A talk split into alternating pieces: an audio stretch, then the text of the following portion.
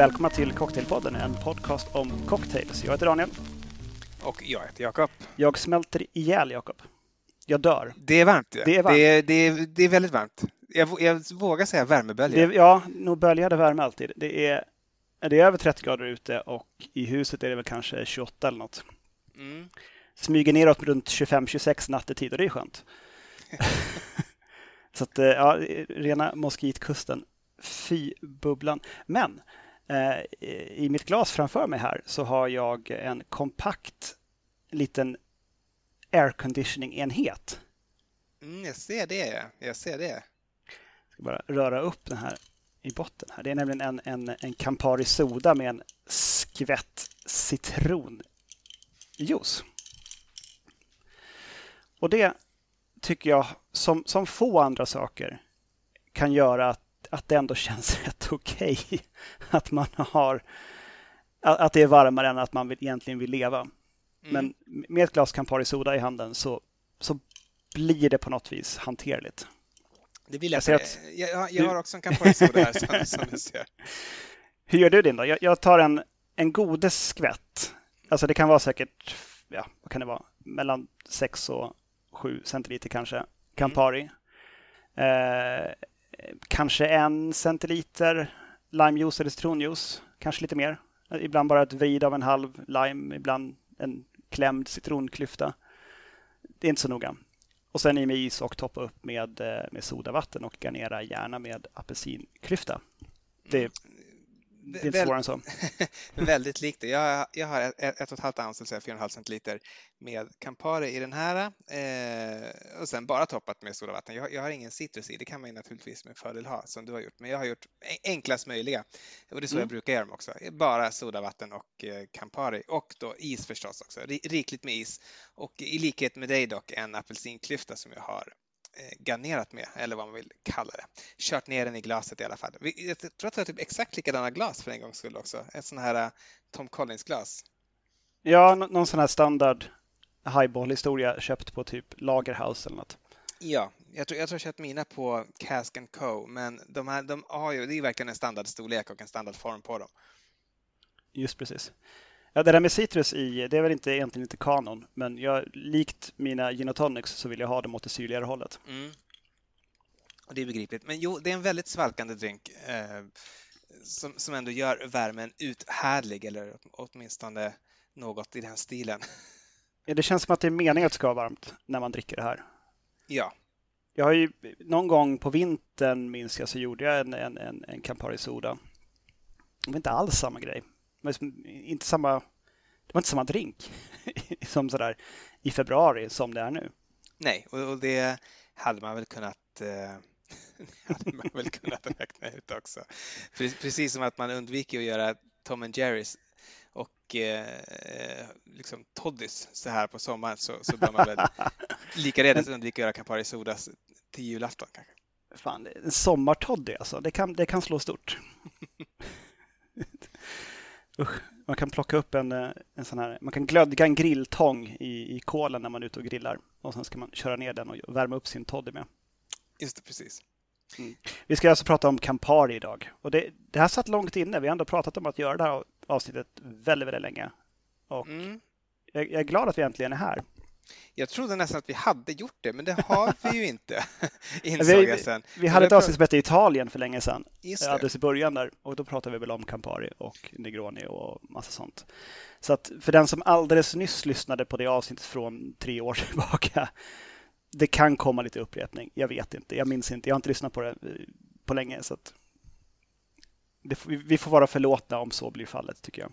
Det tror jag. Eller det tycker jag också. Jag, faktiskt eh, ingen aning. Jag, jag minns inte. Jag minns varken vad jag drack eller, eller riktigt vad vi pratade om i Italien. Men eh, jag, jag, jag minns att Campari var en del av det. Men nu, nu har vi ett avsnitt helt dedikerat till denna eh, bittra aperitivo i alla fall. Så eh, ja, vi, vi, får, vi får se vart, vart det här eh, tar oss. Kan jag väl börja med att fråga dig liksom, vad, om du minns. Vad är egentligen ditt första intryck av Campari?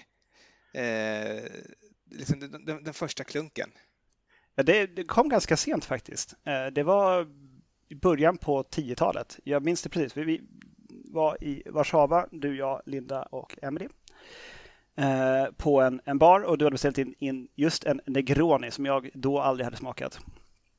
Och så fick jag smaka på den Negronin och vände mitt ansikte in och ut för att det var så fruktansvärt äckligt. Men nu har några år gått ändå och eh, den, ja, den ursprungliga förskräckelsen har liksom bytts i någon form av, av, av nödvändighet att ha Campari hemma och jag liksom tagit sitt största uttryck i att jag aldrig någonsin skulle få mig att köpa den lilla flaskan längre. Ja, just det. Det är rimligt. Nej, jag, eh, jag minns det nu när du säger det, att, att du var ju faktiskt fram till ganska nyligen ändå så där lite skeptisk och föredrog nästan alltid, eller har alltid föredragit Aperol istället. Eh, i, i, liksom i, i de flesta varianter, inklusive i din Negroni. Men de dagarna är väl förbi? Nej, jag har aldrig gjort en Negroni med Aperol tror jag. Ja, okay. Däremot eh, har både jag och Emily njutit av Jungle Birds alldeles i början där med, eh, med Aperoli. Så var det, det, det precis. Under namnet Jungle Chicken. Nu minns jag, det var ju så det var. Mm. Precis. Jag, jag blandade ihop de här två drinkarna. Eh, men, men, exakt, jag, för, mig, för mig var det... Det började med att jag läste Eh, den här boken Stål av eh, Silvia Avalone. Jag, minns inte om du, jag vet inte om, om du känner till den. Den kom väl för tio år sedan kanske på svenska. Eh, utspelar sig i Italien i alla fall, i, i någon sån här liksom bortglömd stålbruksort eh, där, där stålverket har verkligen liksom dominerat på det på något sätt. Landskapet och eh, och ekonomin, men, men det är på nedgående nu verkligen. Liksom det, det, det, här är, det här är en by eller en stad i kris. Men eh, av någon anledning så beställer de ofta eh, Negronis i den här boken. Så jag varit liksom intresserad av vad är det, vad är det här Negroni? För jag kände ju igen eh, namnet, det är, det är en klassisk drink så jag hade ju hört talas om Negroni såklart innan också. Men eh, hade väl inte druckit det då och hade egentligen ingen riktig sådär bild av vad det egentligen skulle smaka. Och eh, även för mig på en resa kanske till München, kanske någon annanstans, eh, så får jag för mig att nu ska jag göra som grabbarna i, i stål och ta in en Negroni före maten. Och precis som du då så eh, vid första klunken så, så förvred jag mitt liksom, ansikte i avsky. Vid andra klunken tänkte jag att det här kanske inte är så dumt i alla fall. Och tredje klunken där så var jag nog frälst och tänkte att det här, det här kan vara världens bästa drink. Och där någonstans har jag stannat sedan dess. Jag har liksom med, med, med, med möjlig liksom konkurrens från, från ett fåtal andra, till exempel en Old Fashioned eller en, en, en Tommys med Skull Margarita, så håller jag ändå det här, en, en Negroni för kanske det absolut bästa som eh, mixologvärlden lyckats eh, skaka fram. Så felet jag gjorde där i Polen var att jag bara drack en klunk av din Negroni. Jag tror det.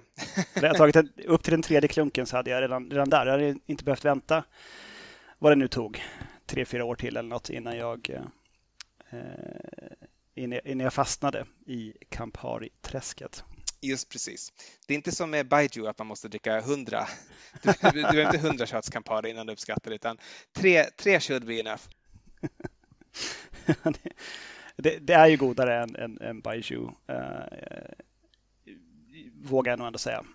Jag tror I, jag... I alla fall om jag räknar liksom den här strong aroma eller vad heter den? Sås. Sås, sås aroma, uh, Baijun.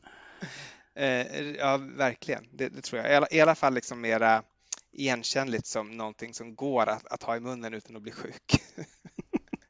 eh, ja, det, är inte lika mycket rutten frukt i den här. Eh, nej, det är inte det. Jag, jag, tror att de flesta som lyssnar på den här podden har ganska bra koll på hur, hur Campari smakar så att man bör väl egentligen inte eh, behöva förklara det. Men, men ifall det nu till nöds skulle vara någon som liksom råkar sätta på det här eh, av en slump och liksom i princip inte har blandat några drinkar eller druckit några cocktails eh, så här långt i livet så kan man väl säga att Campari är ju en röd en, en, en röd eh, Amaro, alltså en, en bitter röd eh, likör från Italien. Och eh, den är väldigt, väldigt, väldigt, väldigt bitter och väldigt söt. Eh, och, och, bitter är nog det första de tänker på. Eh, och, och, jag tror att liksom ett, ett litet fåtal människor skulle tänka kanske åh vad söt den var, men jag tror de flesta skulle tänka vad, vad bittert det var första gången man smakar eh, Campari. Och den har väl en sån här malörtsbitterhet.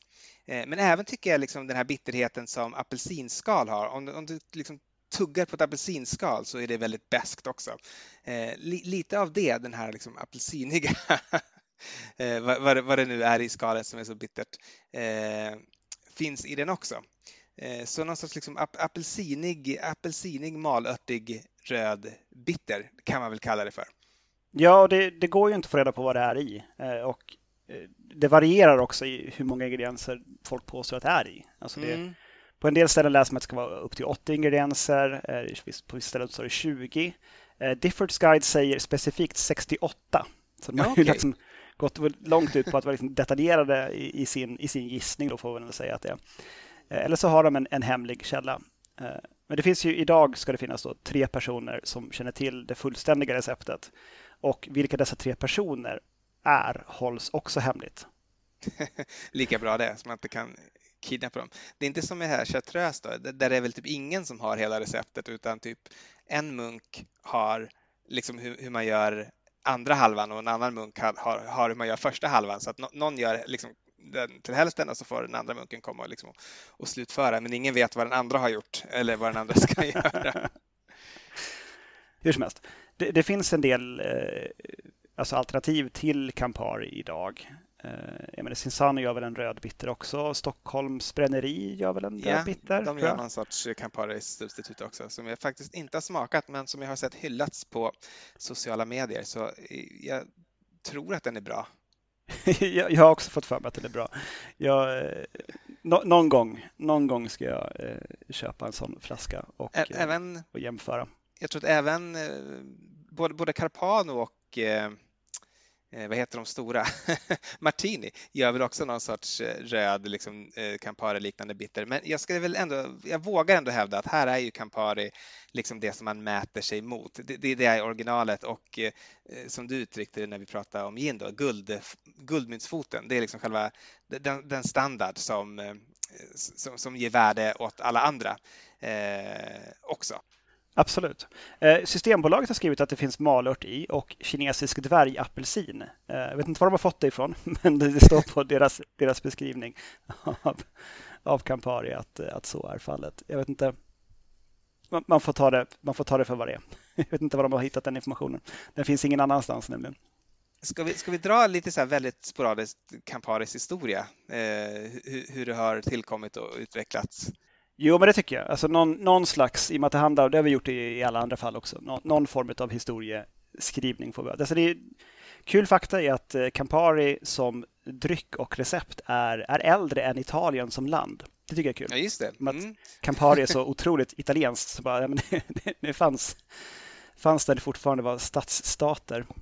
Men så är det väl med det mesta som känns väldigt italienskt tycker jag, utom, utom möjligtvis då italienska landslaget i fotboll. att, att, att, ja, det, det föregår landet eller statsbildningen där. Italien är ju ett ungt land. Jag tror att det var 1870 som Italien blev, blev ett land. Mm, kan säkert stämma. Eh, följaktligen då 1860 som Campari kom till. Eh, det, det heter ju då Bitter Campari och det var ju för att Alltså Campari är ju efternamnet på karln som Gas, som... Gaspare Campari, han, han, som skapade receptet där. Precis. Eh, men Bitter Campari är den röda som finns idag. Sen så fanns det, han hade ju en uppsjö andra eh, söta likörer och, och andra liksom extrakt som han sålde. Då hette ju den här Bitter Campari. Nu är det inte lika tydligt skrivet på etiketten längre att den heter Bitter Campari utan det är mest, det är mest Campari man skyltar med. Precis, men undrar om det inte står ändå att det står typ Campari Milano Bitter eller något sånt där på den? Någonstans ja. Men från början var det för att särskilja den då från eh, till exempel de hade någon, någon hallonlikör eh, som var en klar dryck och massa, massa andra bös.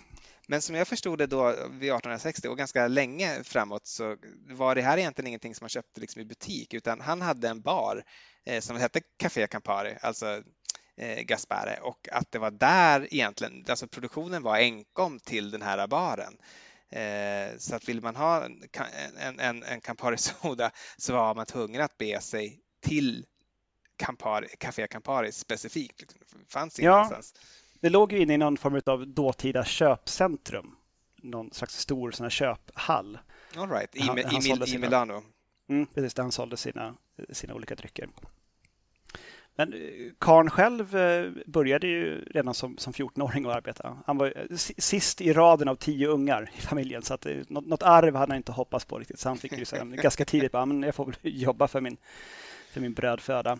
Så att han, han stod i bar redan som 14-åring och, och gjorde, ja, hällde upp vin antar jag, eller gjorde espressos eller något. Innan han sen då kom igång med med, med, med sin egna produktion. Eh, från början hette faktiskt inte eh, den här drycken överhuvudtaget eh, Bitter Campari. Den hette Bitter Aluso de Holanda. Ja, Slaktar jag naturligtvis uttalat där, men det ska betyda bitter för holländsk användning eller för användning av Holland. Vad nu i tusan det ska betyda. Säg det. Men så hette den i alla fall från början. Så att Eh, alla hipsters där ute, vill liksom vara lite old school så kan ni hänvisa till Campari som eh, Bitter Aruso Dolanda. Men jag tror det kan också varit ett samlingsnamn på alla de här försöken innan han fick till det här receptet liksom 1860 då, för han höll väl på åtminstone två decennier innan liksom, och, och pröva sig fram med olika typer av bittra likörer, men, men att det var först då 1860 han verkligen nailed it och tänkte liksom det här, här har vi den. Här har vi den som jag ska ah, för alltid göra och, och, och mycket riktigt liksom gjorde det också och, eh, och fick ju till en sorts världshit på sikt får man ändå säga. Precis. Innan vi tryckte på räck så sa du att du hade delat upp det här avsnittet för dig själv i tre segment. Vilka är dessa tre segment undrar jag? Ja, det är det så vi pratar om lite grann första intrycket och sen så har vi, har vi historien och sen så har jag ett till det här som jag, som jag tänkte, som jag kallar Campari, kvalitetsgaranten. Eh. okay. ja, då har jag ett till segment som eh, handlar lite mer om eh, om produktion och innehåll.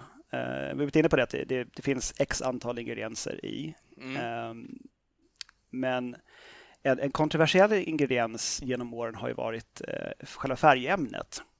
Just det. Alltså, från början då eh, karminsyra som eh, jag minns också när jag var liten att det var rabalder kring att typ de röda gelégodisarna hade krossade löss i sig. Och det tyckte jag var så lite, ja, både häftigt och lite äckligt. Eh, och det hade ju då Campari också fram till 2005 eller 2006 beroende på vem man, vem man lyssnar på som, eh, som färgämne, då, alltså karmin, karmosinrött. Alltså det är något, på svenska heter de korsenskill, korsen, korsenillsköldlus. Supersvårt att uttala. Eh, kokineal på engelska. Det är alltså en, en, en typ av lus som lever på, eh, på kaktusar i eh, Mellan och eh, Sydamerika eh, som honvarianten eh, av har den här kaminsyran i kroppen som någon form av avskräckande eh, medel mot, mot djur som vill äta upp dem. Det hade de inget för kan jag säga. för att de här lössen har man samlat in och krossat för att göra färgämnen i, alltså sen innan europeer dök upp där. Alltså man inka, eh, högdjuren inom inkasamhället hade den här karmosinröda som för, för kläder. Som det var som en, ungefär som purpur i Europa. Liksom, att det är det som är den, den dyraste färgen att, att producera. Och eh, därmed en väldigt fin färg. Sen tycker jag för att det är en väldigt fin färg också. Så att det helt, helt ute och cyklar var de inte, de här inka-indianerna. Eh, så det, och det används fortfarande eh, liksom som färgämne i, i en del eh, matprodukter och i, i läppstift bland annat och sådär. Men då eh, sen 2005-2006 någonstans inte längre i Campari på de flesta marknader. Och det här har jag varit lite, lite latent hipstergrinig över. Att, liksom att, var, varför har inte min Campari längre krossade löss i sig? Det är ju ändå lite coolt. Men, och här är det lite intressant. Sverige är av någon anledning en av väldigt få marknader där Camparin faktiskt innehåller E120 som är färgämnet utvunnet ur de här äh, kokiniallössen. Jaha. Så att den svenska Camparin, äh, och det står till och med skrivet på Systembolagets hemsida att den innehåller E120 då, vilket ju är äh, exakt detta färgämne. Det står också att det, söker man vidare på E120 så står det att det är utvunnet ur den här typen av lus. Intressant. Jag, jag, ingen aning om. Jag trodde, jag trodde det var globalt, eh, liksom ett globalt beslut att, att det skulle vara eh, borttaget överallt. Men vad lustigt och eh, då får man passa sig när man har veganer på besök då, så att man inte... det är sant. Av, av, de kan inte dricka svensk Negroni. Nej, precis. Eh, så där, bra, bra, bra att få reda på. Kände faktiskt ja, inte alls till det. det. Det kanske kommer som en chock för de där ute som lyssnar på det här som faktiskt också är veganer och tycker om Negroni. Mm. Då får ni specialbeställa Campari från utlandet för att fortsätta njuta av detta. Eller ta någon av alla de här alternativen som vi rabblade upp alldeles nyss. Ja, precis. Då får man väl kolla vilken typ av färgämne de har förstås. Men ja, konsumentinformation i Cocktailpodden. Eh, här har vi det. det. det finns krossade djur i din Negroni. Eh, men i alla fall, om, om vi går tillbaka lite grann till historien där så det här kaféet det, det togs över sen av eh, Liksom, eller åtminstone så ville han Gaspare Campari eh, att hans söner skulle ta över det och eh, en av hans söner, David eh, Campari, liksom ta, tar vid då där pappan slutar med det här företaget. Men han får ju snilleblixten att det här går nog att sälja också utanför kaféet och startar 1904 eh, eller öppnar 1904 en fabrik som är liksom första gången då där faktiskt eh, eh, Campari börjar tillverkas på en liksom mer industriell skala och för eh, försäljning utanför det här kaféet. Så 1904 är väl liksom det egentligen blir en produkt som blir på något sätt allmänt tillgänglig.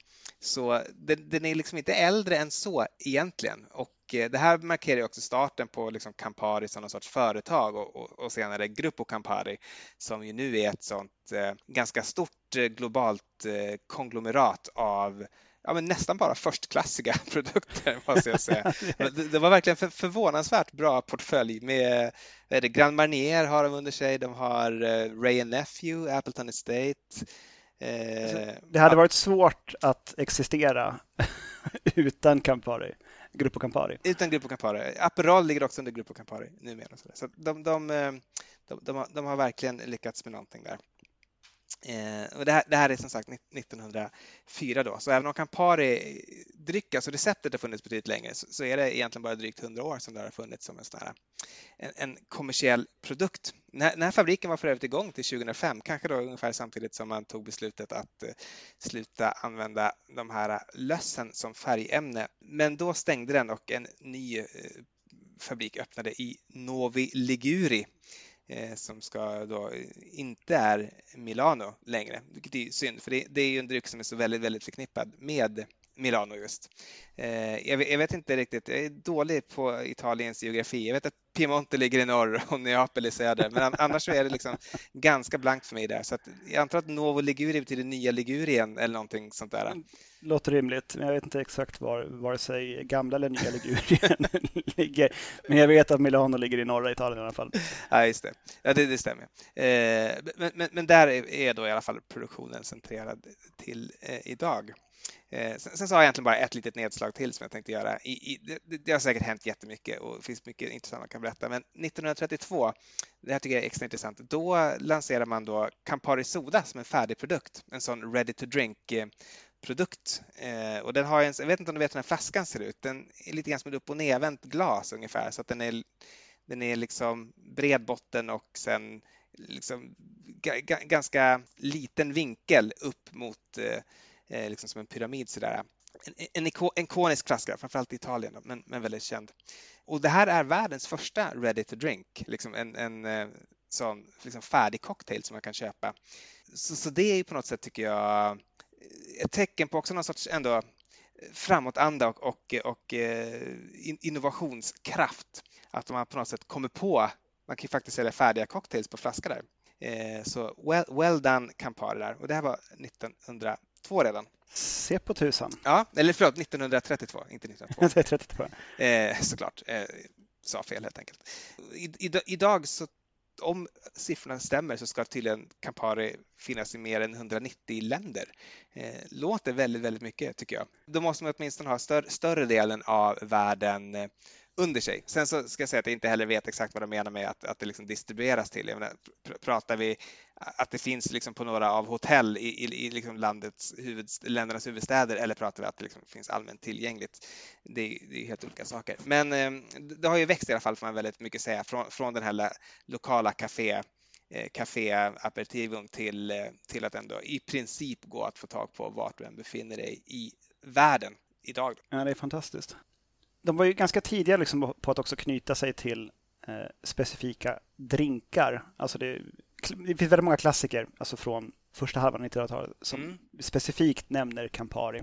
Eh, Negroni förstås, eh, Negroni Spagliato, Milano Torino eller Me Too mm. som är i ropet nu. Jag har sett massa hashtags för det nyligen så den, den är väldigt i ropet. Är den det? Jag har, jag har en, en metoo här så jag, tar, jag passar på att ta fram den.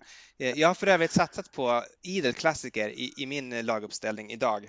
Mycket bra, för jag har nämligen inte gjort det. Nej, jag misstänkte att vi, att vi inte skulle göra det nämligen. Så att, jag tyckte att det behövs, för det här är ju det här är en sån viktig, det här är en sån viktig eh, eh likör så att eh, den liksom förtjänar att få eh, att, att, få alla liksom milstolpar eh, shoutade i Cocktailpodden tycker jag. Så jag, har, jag har en metoo här som, som du nämnde är grunden till både Americano, Negroni och Negroni Spagliato och Boulevardiero, and, and you name it. Mm, vad har du i den då? Vill du berätta? Jag har li, lika delar av av eh, röd eh, söt vermouth. Inte eh, Martini utan Carpano Antica Formula och Campari. Så det är ett och ett halvt ounce av bägge två. Det här har jag rört på is och silat till ett Coop-glas. Där finns ju eh, andra serveringsalternativ, till exempel isfyllda rocksglas eller vad man nu vill ha. Men jag, jag tog ett, ett Coop-glas och, och, inte på is, garnerat med en apelsinzest. Härligt. Och namnet då förstås för att Campari från Milano. Och, Just det, och, och eh, Martini från eh, Torini. Eh, och eh, så, så då är det Milano Torino. Det finns även en dryck som ska heta Torino Milano, eller Torino Milano, med andra ingredienser. Tyvärr så har jag inte i huvudet vilka det är, men, men, men tämligen bortglömd av historien. Den här däremot tämligen ihågkommen och eh, det här är ju en lite en, en, en, en, lite snällare Negroni kan man säga, för det är ju Negroni utan hard liquor. Och eh, ganska söt, men, men, väldigt, väldigt, väldigt god. Jag som sagt valde att servera den här inte på is. Jag tror att den egentligen skulle gjort sig bättre på is i ett rocksglas, men jag har så mycket annat som är det så att liksom för Instagrams skull, så var, för, att, för att inte alls ska se exakt likadant ut, så, så valde jag ett annat typ av glas här. Det är nog ingen fara, du är nog inte den enda som gör saker för Instagram specifikt nu för tiden. Jag tror inte det. Eh, man kan ju skämmas lite grann, men eh, det är ändå så man måste leva sitt liv. exakt. Um, ja, men då kanske jag inte ska nämna flera liksom, urbota klassiker då, för du kanske har dem framför dig där. Eh, ja, kanske. Eh, det, det, det, är mycket möjligt. Du kommer, du kommer att få chansen annars eh, i slutet där och göra gör ett litet uppsamlingshit om du vill. Precis. Jag kan ju ta en, det finns en, en modern klassiker som heter Garibaldi. Mm. Som gjorde, den gjorde turer på svenska dryckes Instagram nu under försommaren Eh, många posts om Garibaldi. Jag tror det hade sitt ursprung antingen hos, hos eh, Martin Lundgren eller hos, eh, vad heter han, Karn? hos, eh, hos Kringlund. Och så, men det är en väldigt tjusig, tjusig drink. Men jag gjorde ett, en, I ursprungsreceptet så är det, är det, jag kan ta det först, det är eh, 4,5 centiliter Campari. Eh, en eh, quote unquote liten fjuttskvätt 2-1 sockersirap Eh, och sen så 12 centiliter apelsinjuice. Och då ska man skumma hälften av apelsinjuicen eh, på något vis. Det sätt som är lättast till hands för en förslagsvis hemma. Jag använder en, en stav, mixer och en liten skål. Man kan använda det i, köra det i en blender eller man kan liksom använda någon visp av något annat slag. Bara man får upp ett ordentligt skum på hälften av apelsinjuicen. Eh, och sen så bygger man alltihopa i ett eh, isfyllt glas och toppar med skummet och garnerar med apelsinklyfta. Det i sig är en väldigt god drink, speciellt om du har lite syrligare apelsiner. Eh, annars kan du alltid lätta upp den med en, en skvätt citron eller, eller, lime om du vill. Men jag gjorde en liten riff på den som heter eh, Mezgaribaldi. okay. Då har vi 4 centiliter Campari, 2 centiliter Mescal, 1 centiliter limejuice, 2 teskedar 2 till 1 sockersirap och 12 centiliter apelsinjuice. Och samma sak där, man delar upp apelsinjuicen i två och eh, skummar hälften och sen bygger man alltihopa i ett isfyllt glas, garnerar med en apelsinskiva.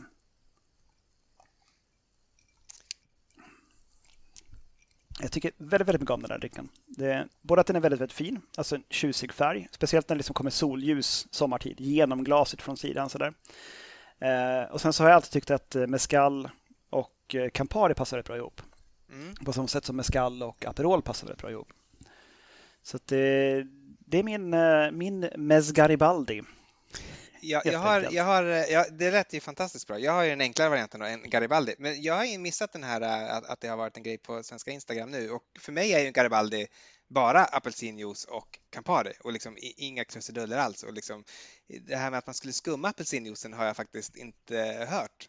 Okej, okay. eh. det, det, det, var något som de gjorde på, på Dante i New York som ah. blev en grej ah. därifrån. Då. Men det, det kan ju vara att drinken i sig är, är äldre än vad jag snabbt hittade när jag sökte i, i värmen efter recept att göra. Jag, jag, jag, tror att den har hängt, hängt med ett tag och, liksom, och, och, bara under namnet bara en, en, en Campari, en Campari och apelsinjuice eh, har den väl liksom funnits eh, åtminstone sedan vi var små, tror jag. Det här känns liksom en, en av de första drinkar som jag kommer ihåg existerade. Liksom sådär, från min väldigt ändå annars drinkfria barndom så kan, kan jag liksom ändå tror jag, minnas att eh, någon kanske ändå någon gång eh, av ens släktingar eller, eller familj liksom blandade till en, en, en Campari och juice. Jag kan tänka mig att din mommo någon gång drack det. Ja, snarare Tina tror jag. Om vi ska. men, men, men låt, oss, eh, låt oss inte spekulera, för jag är inte säker. ja, hur som helst. Det är döpt efter en karl som heter Giuseppe Maria Garibaldi eh, som var eh, pådrivande i att ena Italien. Då ska det vara sicilianska apelsiner som representerar södra Italien och Campari som representerar norra Italien. Och då ska det. vara ett förenat Italien. Ja. Det, det, god, god drink i alla fall. Det, Campari och apelsin är ju oomtvistat gott ihop. Det är väldigt, väldigt, väldigt gott att dricka, eller väldigt, väldigt gott ihop. Och det här är också en sån utmärkt frukostdrink eller, eller brunchdrink skulle jag vilja säga. Vilket vi knappast förvånar någon eftersom apelsinjuice är ju i, i sig självt en, en klassisk eh, morgon, morgondryck och, och eh, Campari tänker mig kan vara lite så här pick me up eh, medicin. Liksom. Så, så att tog det inte förvåna någon att de här går bra ihop på morgonen. Då. Men det, det gör det verkligen. Så att, eh, om man har tröttnat på mimosa till brunchen så kan man ju alltid ta en Garibaldi istället. Det, är, det är mitt tips. det är ett bra tips. Eh, vad har du mer framför dig, Jakob? Ja, jag har, jag kan väl ta det då. Då kan jag gå in på, på, på vad jag då kallar mitt, mitt tredje segment, nämligen eh, det kvalitetsgaranten, att, att den är liksom en, en, en, garant för att någonting har kvalitet eller att det är, liksom, att det är en seriös drink. Det finns väldigt få liksom, skämtsamma drinkar som innehåller Campari, utan eh, liksom, är, är det Campari, ja men då vet man att det är på riktigt. Och jag tycker det, så här har det varit, i alla fall under den här cocktailrenässansen som ju började för kanske 20 år sedan och som vi väl alltjämt lever i. Jag, jag tänker om Fernet Branca är någon sorts här, det här liksom secret handshake mellan mellan bartenders som på något sätt förenar bartenders världen över. Att, att, man, att man tar en shot, shot Fernet och då vet man att man är liksom på insidan. Så har Campari varit detsamma fast för själva drinkarna. Eh, och, och ett exempel som jag tänker på speciellt är ju Tiki Eh, för Tiki sågs ju länge av de här liksom nya coola bartendersna som skulle vara mera seriösa och du vet så här, sätta spriten i centrum och eh, på, på, alla sätt och vis liksom fnysa åt de här liksom töntiga, söta eh... I, alla, I alla fall det som Tiki det som Tiki blev liksom, efter 60-talet. Ja, men precis. Alltså, liksom, Eh, boat drinks, liksom. Och, och liksom, Kryssningsfartygdrinkar i, Exakt, och... det egentligen bara var liksom olika fruktjuicer och rom, eh, men utan att tanke på finess. Då. Men då finns ju en eh, tiki-drink som har kommit att bli en klassiker men som var, om, inte, om, om någonsin liksom känd, så åtminstone bortglömd, men, men nu liksom större än, än eh, någonsin och det är ju Jungle Bird. Och, och, och när det här liksom hippa, hippa mixologgänget såg att men vänta nu, här är inte en tiki-drink med Campari så insåg man det här kanske det, det är liksom, det här är ju på riktigt. Liksom, tiki, tiki kan ju vara seriöst. Eh, och, och för, att, för att hylla den insikten så har jag gjort en Jungle Bird. Eh, så Jungle Bird blir väl min, vad blir det, eh, tredje, eh, fjärde eh, drink för, för dagen. Och eh, du är ju väl bekant med den här eh, drycken, drycken. Jag vet att du ofta, ganska ofta brukar göra den eller varianter på den. Eh, och den finns i, i lite olika utföranden. Och där tycker jag väl egentligen att Martin Kate från Smugglers Co kanske är den som jag tycker är godast av de som jag själv har gjort. Men av olika skäl så har jag idag gjort Diffords recept som jag hämtat på Diffords guide. Eh, och det beror framförallt på att jag inte hade något Demerara sockerlag hemma och jag orkar inte göra något heller. så, så den jag har gjort idag den innehåller en och en halv shot med Goslings eh, Black Seal Rum, en halv shot med Campari, en och en halv shot med eh, ananasjuice, en halv shot med limejuice och fem tolftedels shot med sockerlag och där tycker jag att man kan ta ett halvt shot med sockerlag också eller liksom nästan nästan ett halvt shot med sockerlag också om man inte orkar hålla på och göra fem tolftedelar. Det är ju li lite att eh, lite att vara petig. Jag menar, man ska hälla jävligt noga för att överhuvudtaget kunna ha den precisionen tycker jag. En, en, knapp halv shot, vad blir det? Typ 1,25 centiliter eller något? Ja, typ något. Ja, exakt 1,25 centiliter kan man väl säga. Eh, och det här ska ju skakas och sen hällas till ett isfyllt glas, gärna krossad is. Eh, och sen garneras med ett körsbär och en ananasskiva. Jag hade ingen ananas, så jag tog körsbär och en liten limebåt istället, mm. som du kan se där. Absolut. Det, det. Eh, det här är ju en bitter tiki. Eh, det är Den är omisskännligen eh, tiki-esk mm. och omisskännligen bitter. Eh, väldigt snygg också. Alltså, härlig färg på den. Eh, Speciellt med det här skummet som alltid blir utav, utav ananasen. Precis, nu, nu har det lagt sig, men det var ju alldeles sådär fint och fräscht när den var nyskakad precis. Mm. Ja, det, det, är en, eh, en drink som jag tror det var Beach Plum Berry som hittade den i någon gammal liksom, meny. Det var från 70-talet i Kuala Lumpur om jag minns rätt. Ja. Något hotell där, något hotellbar. Precis, och hotellbaren hette väl The Aviator, va? så att alla drinkar där ja, hade... Aviary. Som Aviary, alltså, så, precis. En... som fågelbur, liksom en stor fågelbur. Ja, precis. Uh, och det uh, rimligt, rimligt namn på en, en drink där. Jag tror att uh, han som uppfann drinken, han dog för hur många år sedan det var, men han fick i alla fall i sin, i sin obituary skrivet att han Eh, var ansvarig för den drinken som liksom har gett, gett landet dess enda internationellt erkända drink. Mm, det, det stod med i, hans, eh, i, en, i en, en gravskrift över honom. Snyggt. Hilton ja. tror jag va? Jag tror att det var Hotel Ja, Hilton. det var nog Hilton i Kuala Lumpur. Det, det känns helt rimligt. Um, men då kanske jag får lov att, uh, att titta på någon av mina drinkar. Jag har en drink som är sånt här, så typiskt cocktailtävlingsbidrag, om du förstår vad jag menar. Mm. Alltså, de, de brukar, man brukar kunna se liksom vissa gemensamma drag i de, de som kommer långt i tävlingar. Eh, den här heter Curtain Call och är skapad eh, till Bacardi Legacy 2016 i Tyskland av en karl som heter eh, Arash Gazemi som då var på Green Door and Schwarze Traube i Berlin. Eller om han var på stället som heter Green Door och ett ställe som heter Schwarze Traube vet jag inte, men det står Green Door and Schwarze Traube. Så att, i sådana fall är det ett weird namn på ett ställe, men I'll allow it. Och lite tysk-engelskt va, med blandat språk ja, där, så att jag skulle gissa att det är två olika ställen. Men eh, jag, jag, jag, vet inte.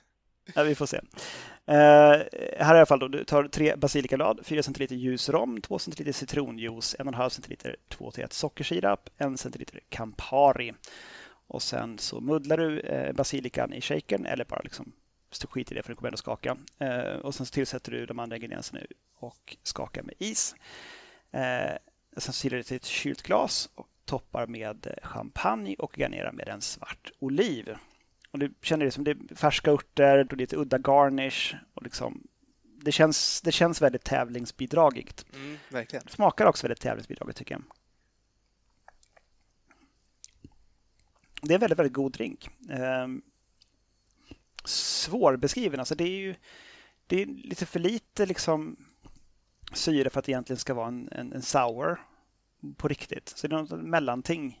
Eh, jag vet inte riktigt var jag ska placera den någonstans. Men den är välbalanserad och god och jag eh, Basilikan kommer igenom som en liten doft. Så jag har lagt lite basilika ovanpå också. Det står inte i receptet, men jag tänkte att jag kan väl vara förlåten av Arash att jag la lite eh, vackra gröna blad på när jag nu faktiskt har fått en basilikaplanta som inte är översköljd med bladlöss den här sommaren. Så jag äntligen passar på. Eh, hur som helst, han vann i alla fall eh, Bacardi Legacy 2016 med den här i Tyskland. Då. Så right. att, bra jobbat Arash. Tack för den. Väl sagt. Eh, ska jag ta min sista drink eh, för dagen eller har du mycket kvar så kanske du vill? Så jag, har, jag har en del grejer kvar faktiskt. Jag kanske får, får ösa på lite här. Ska vi se, vad har jag nu? Jo, jag har en, eh, en drink som heter Celebration från eh, 2015. En karl som heter Davis de Ercoli. Alltså D apostrof Ercol konstigt namn, svårt att uttala. I alla fall på Imperial Beach i San Benedetto del Tronto i Frankrike. Mycket skumt där, för att det är liksom, det, han har visserligen ett franskt namn, men stället har väldigt spanskt, alltså platsnamnet. Och ett engelskt namn på baren, så att det är mycket, mycket konstigt där på gång. Eh, Den heter i alla fall Celebration. Det är eh, lika delar konjak, söt vermouth och Campari. Två stänk Orange Bitters. Det ska röras med is och silas i ett kylt Coopglas. Garneras med apelsinzest. Så det är ju en Negroni med apelsinbitters och eh, konjak istället för gin. Mm. Det smakar precis som en Negroni om man hade bytt ut ginen mot, till, till konjak. kan du tänka dig? Wow! Men för övrigt så är det, kul, det är kul att byta ut eh, basspriten i en Negroni. Jag, personlig favorit är ju att, att slänga i eh, mescal istället för gin. Mm. Um, det, om, jag, om jag lagar mat och det är åt det, det mexikanska hållet så är det gärna det jag dricker medan jag lagar maten. Medan om jag lagar någonting som är åt det italienska hållet så tar jag gärna en vanlig Negroni medan jag lagar maten. Rimligt. Vet du vad, jag, kom, jag, jag, kommer faktiskt att ta min sista här nu för att den hakar i den där. Eh, för, för, jag vill också visa lite grann på hur otroligt så här månganvändbar, mångsidig eh, Campari är genom, genom just då exemplet eh, Negroni som ju kan liksom varieras genom att bara att byta ut basspriten och i princip allt funkar. Du hade konjak där, du nämnde att en favorit är eh, mescal. Det är även en stor favorit för mig att göra en mescal Negroni. Men den jag har idag är en Boulevardier. Och vad är det Daniel? Det är väl med bourbon va? Just precis. Så det här är en, en Negroni men där ginet är bytt mot bourbon. Så det är lika delar med söt eh, vermouth, Campari och bourbon i denna. Och precis som i ditt fall så smakar det här som en Negroni, men med bourbon istället för gin. och det, det är fantastiskt. Och den ger ju en lite sötare och rundare feeling än vad, än, än vad en Negroni gör. Den, den har ju ändå Alltså den har ju någon sorts ändå, den, är lite, den känns torrare helt enkelt och lite skarpare. Den här är rund, rundare och sötare men egentligen lika god. Alltså det är, en, det är ett fantastiskt grundrecept som verkligen kan varieras utan att liksom någonsin tappa i kvalitet. Och, och på så sätt också väldigt roligt för en, så här, en, en ny hemmamixare. Eh, för det är så väldigt lätt att, att, vara kreativ och kunna skapa saker med kvalitet. Liksom, gör bara en Negroni men byt ut basspriten mot i princip vad som helst så kommer du ha gjort en ny drink som du kommit på själv och som är jättegod. Precis, i med sån här Sauce Aroma Baiju i den. Jag tror att vi gjorde något sånt också när vi hade Baiju-avsnittet. Men eh, jag tycker en Old Pal är snarlik också. Där byter du ut eh, ginen till Rye och sen så byter du ut den söta vermouthen till torr vermouth och du har en Old Pal. Eh, Just den det. är också en klassiker. Det är för 20-talets Paris om jag inte minns fel. Jag vill säga Harrys New York Bar. Men det, det, mest, det, mesta är ju det, så, så varför inte? Det är en bra chansning i alla fall. Eh, andra klassiker kan vi nämna eh, Shakerato vilket är bara Campari skakat med is och silat till ett, ett kylt, eh, helst rakväggat eh, cocktailglas. Mm. Den tipsar de om på Camparis egen hemsida där de, där de har en eh, förteckning över klassiska Campari cocktails för övrigt. Ja.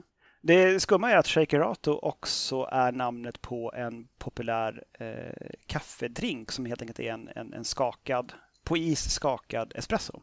Mm -hmm eh, som serveras alkoholfri. Då. Eh, ibland med ett tillskott av Baileys för att göra den lite alkoholig. Men den, den heter också Shakerato. Ska tydligen vara poppis i delar av Italien. Eh, jag tänker mig att Shakerato med... Alltså, kommer man och ska beställa sig en Shakerato förväntar sig att få en på espresso men får den av Campari jag tror inte man blir ledsen ändå. Alltså vice versa. Liksom. Espresso är gott, Campari är gott. Så att, jag menar, vad man än får in på det namnet så tror jag att man går därifrån med ett leende. Nej, antagligen. B båda låter fantastiska. Eh, men då kanske jag ska se, nu börjar vi närma oss eh, slutet här. Jag har en drink som heter Killer Cocktail som jag tyckte kändes bekant från något tidigare avsnitt, men jag, jag kan inte minnas när, var, hur, så jag tog den ändå. Um, den är från, uh, skapad av en uh, dam som vi har nämnt faktiskt ganska många gånger nu, uh, som heter Tess Posthumus från Amsterdam. Mm. Eh, här var hennes bidrag till en tävling anordnad av Disaronno 2013. Den heter Killer Cocktail. Eh, då har du 4,5 centiliter amaretto, 3 centiliter gin, 1 centiliter Campari, 1 centiliter passionsfruktssirap och 3 centiliter citronjuice. Eh, skakas med is och silas till ett eh, glas fyllt med krossad is. Sen ska du garnera med en citronzest skuren som en hajfena. Den har sjunkit ner. Du kan inte se den fina hajfenan jag gjorde. Eh, och sen så ska du stänka eh, tranbärsbitters ovanpå vilket ska göra att det ser ut som blodstänk i vattnet. Jag hade inte tranbärsbitters för det har ingen människa hemma. Så att jag använde Peugeots, vilket jag av turliga skäl har hemma men som trots allt fortfarande är skamligt svårt att få tag i i Sverige. Det är det. Så att, eh, och något annat alternativ vet jag inte riktigt som, som är en bitter som är knallröd. Liksom. Det, det, det, möjligtvis den här... Det är väl Campari då? Skulle man kunna... Ja, men då, då blir den ju sötare också. Så att, jag vet inte. Mm. Kan man ta ur den där Campari och hälla den ovanpå istället? Eller något. Hur som helst, en väldigt vacker drink. Eh, blekt eh, persikofärgad eh, och väldigt, väldigt god. På många sätt snarlik en Amaretto Sour fast med, med lite andra smaker helt enkelt. Mm. Det, är en, det är en riktig höjdardrink som, som Tess har tagit fram där tycker jag också. Mm, nu behöver jag springa iväg och hämta eh, mina sista alster här så du får sjunga lite grann för, för lyssnarna. Tror jag väljer att klippa istället. Med ett härligt gung det är på sån musik jag lyssnar... Ah, hej! Så bra. Uh, yes, uh, då har jag uh, en lite udda kreation här samt slutligen då en shot som enligt vår vanliga tradition kommer sist i avsnittet. Jag har gjort på den kände karn Jeffrey Morgenthalers initiativ en Negroni Sorbet. Mm -hmm. Ett recept som han har på sin sida jeffreymorgenthaler.com som, som helt enkelt är just, just vad du tror. Det är en, en Negroni fast alltså en, en sorbet som smakar Negroni helt enkelt. Eh, du tar eh, 5 deciliter apelsinjuice eh, och eh, eh ungefär hälften av det, eh, säg 2,5 deciliter av eh, 2 till 1 sockersirap. 1 deciliter vatten Eh, och sen ganska lite gin, sötvermouth och Campari för du tänker liksom på receptets storlek. Mm. Men det, det, det, är rimligt också med att det ska i huvudsak vara en sorbet och inte en drink. Just det. Så att, eh, och då har du 45 eh, ml gin, 45 ml söt vermouth och 45 ml Campari. Och sen så tycker han då att man ska blanda ihop det här och lägga det i kylen i 24 timmar innan. Det hade jag inte tid med i och med att jag skulle göra det här idag mm. och kom på att jag skulle göra det idag. Så att jag la alltihopa i en eh, plastpåse, förslöt den, masserade lite grann och la den platt i eh, frysen. Så att den fick ligga där i kanske en timme eller någonting och då hade den liksom nästan blivit som, som sorbetaktig i sig själv i påsen. Eh, extremt kallt i den där frysen. Och sen så dönar ner det i en sån här glassmaskin, en sån fryst bägare med en sån vev som går runt med en sån där en ganska, enkel, ganska enkel liksom, historia liksom, mm. som de flesta har hemma. Och sen så får det där döna runt tills det har liksom, luftats och blivit eh, sorbet. Och då ser den ut så där. Ja, men snyggt. Vackert eh, blekorange kan man väl säga. Eh, och eh, smakar fantastiskt vill jag säga. Ja, det lät verkligen. Det låter ju så gott verkligen. Det är verkligen det är en jättegod sorbet.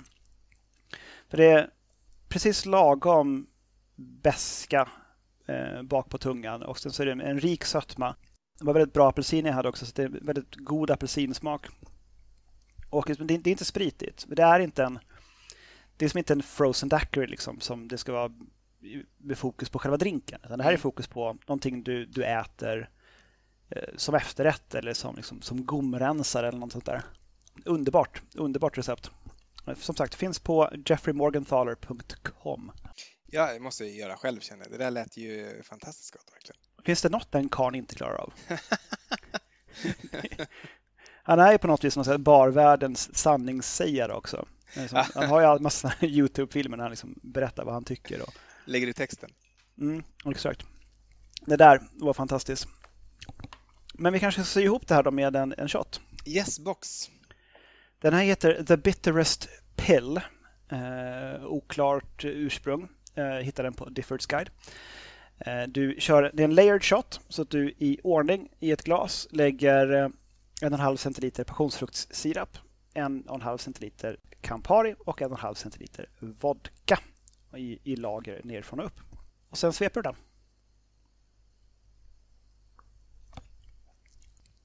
Ja, men det är gott. Mm. Så pa- passionsfrukt och Campari ihop är gott. Det kan man ju tänka sig. Och vodka är väl liksom varken till eller från smakmässigt så mycket. Alltså jag menar, det blir väl umf, men, men inte liksom, Mm.